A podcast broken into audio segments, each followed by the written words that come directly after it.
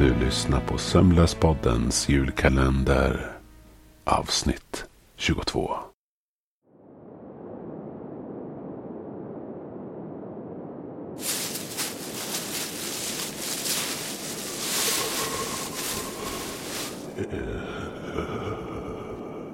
Snögubbarna började skaka från det rasslande ljudet inne i skogen.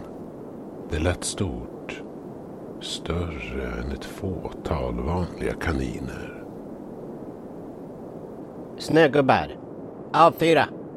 Sa nissen från specialstyrkan.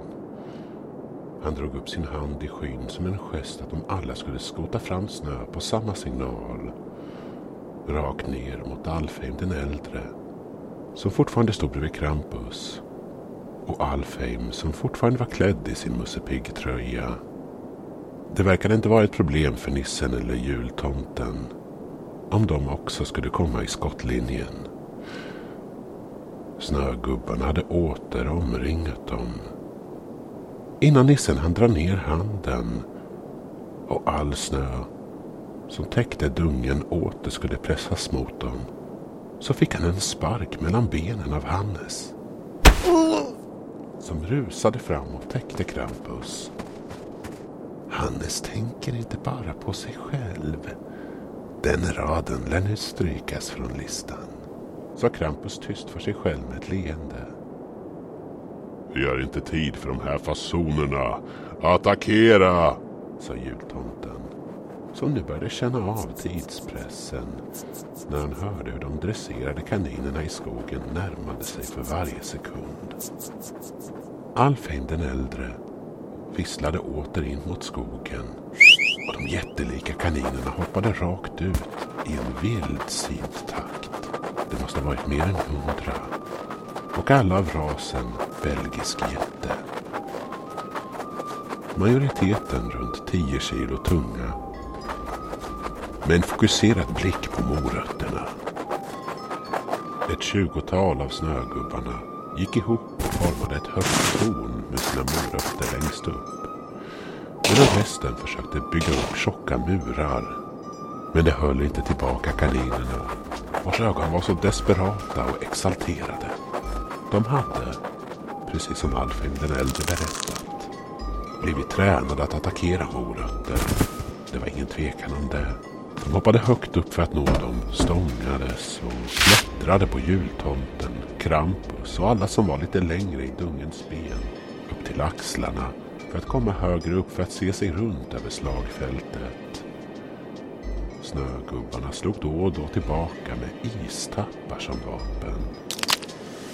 Och fem kaniner låg nu döda på marken. Nissen från specialstyrkan försökte att samla ihop så många morötter som möjligt. Medan Alfheim den äldre stod som en vansinnig vetenskapsman och skrattade i eufori åt det kaos han just släppt fram.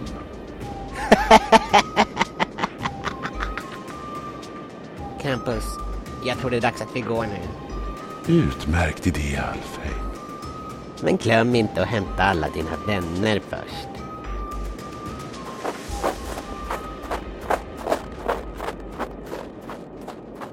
Hannes försökte, precis som Amira och Edgar, att skaka loss de belgiska jättarna. Som nu börjat bita på dem istället. Pio hade fått betala ett betydligt högre pris. Och låg med ögonen öppna. Och andades sina sista andetag. Magen var penetrerad av en vass istapp. Som både till storleken och formen påminde om en lans.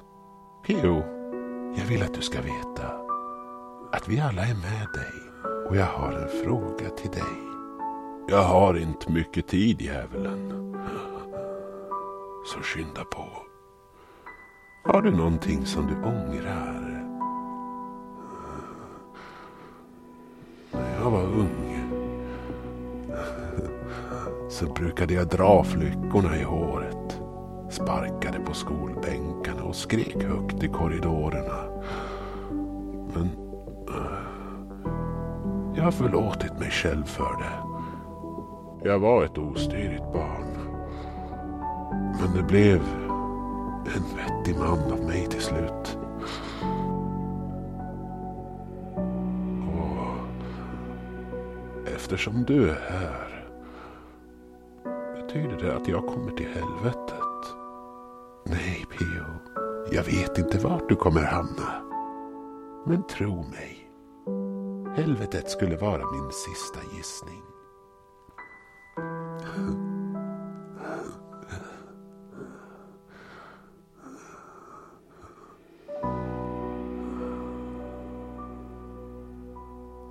Pio log. Sekunder senare stelnade hans ansikte till. Allt liv, från skrattgroparna, de intensiva hasselbruna ögonen, den krokiga näsans hastiga in och utandning hade blåst bort. Kvar låg ett tomt skal av vad som hade varit en vänlig man. Som aldrig borde varit där från första början. Kom, vi måste gå, sa Alfheim den yngre och drog bort Krampus från P.O. Det kom en tår från Krampus öga. Inte större än ett sandkorn.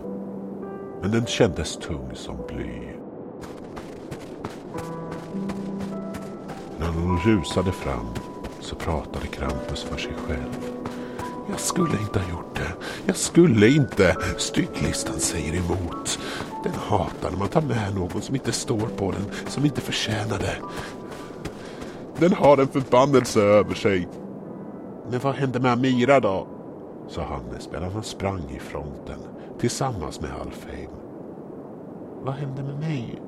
frågade Amira. Hannes och jag gjorde en liten överenskommelse förstår du. Tyst! Inte ett ord till!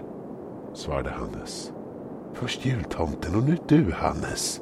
Kan inte en Krampus få prata utan att någon ska bli irriterad? Folk är så väldigt lättstötta nu för tiden och låter mig aldrig prata till punkt. Vill du bli struken från listan, Hannes? Ja, det vill jag, sa han allvarligt. Då är det dags att ta konsekvenser. Det kan innebära att du inte får allting du pekar på. Men det kommer i slutändan kännas bättre. Tro mig, jag mår bättre nu efter att jag äntligen berättat hur det gick med tomtemor. Det hade gått så lång tid att jag till och med intalat mig själv i många stunder att jag mördat henne. Men jag är glad att ni alla nu vet sanningen. Jag fattar fortfarande ingenting av det här. Är det något live eller cosplay som du är medlem i och ni alla tar det lite väl långt? Jag menar med kaniner och de som var utklädda till snögubbar. Just det, precis så är det. Sa Alfheim och strålade upp. Och jag hoppas du kan vara med imorgon också. Nej, jag tror inte det, sa Amira. Det är nog bäst att jag går hem nu. Har någon sett min mobiltelefon? Alfheim, du förstör allting, muttrade Krampus till nissen. Nu håller du snattran, Krampus. Nu gör vi saker och ting på mitt sätt.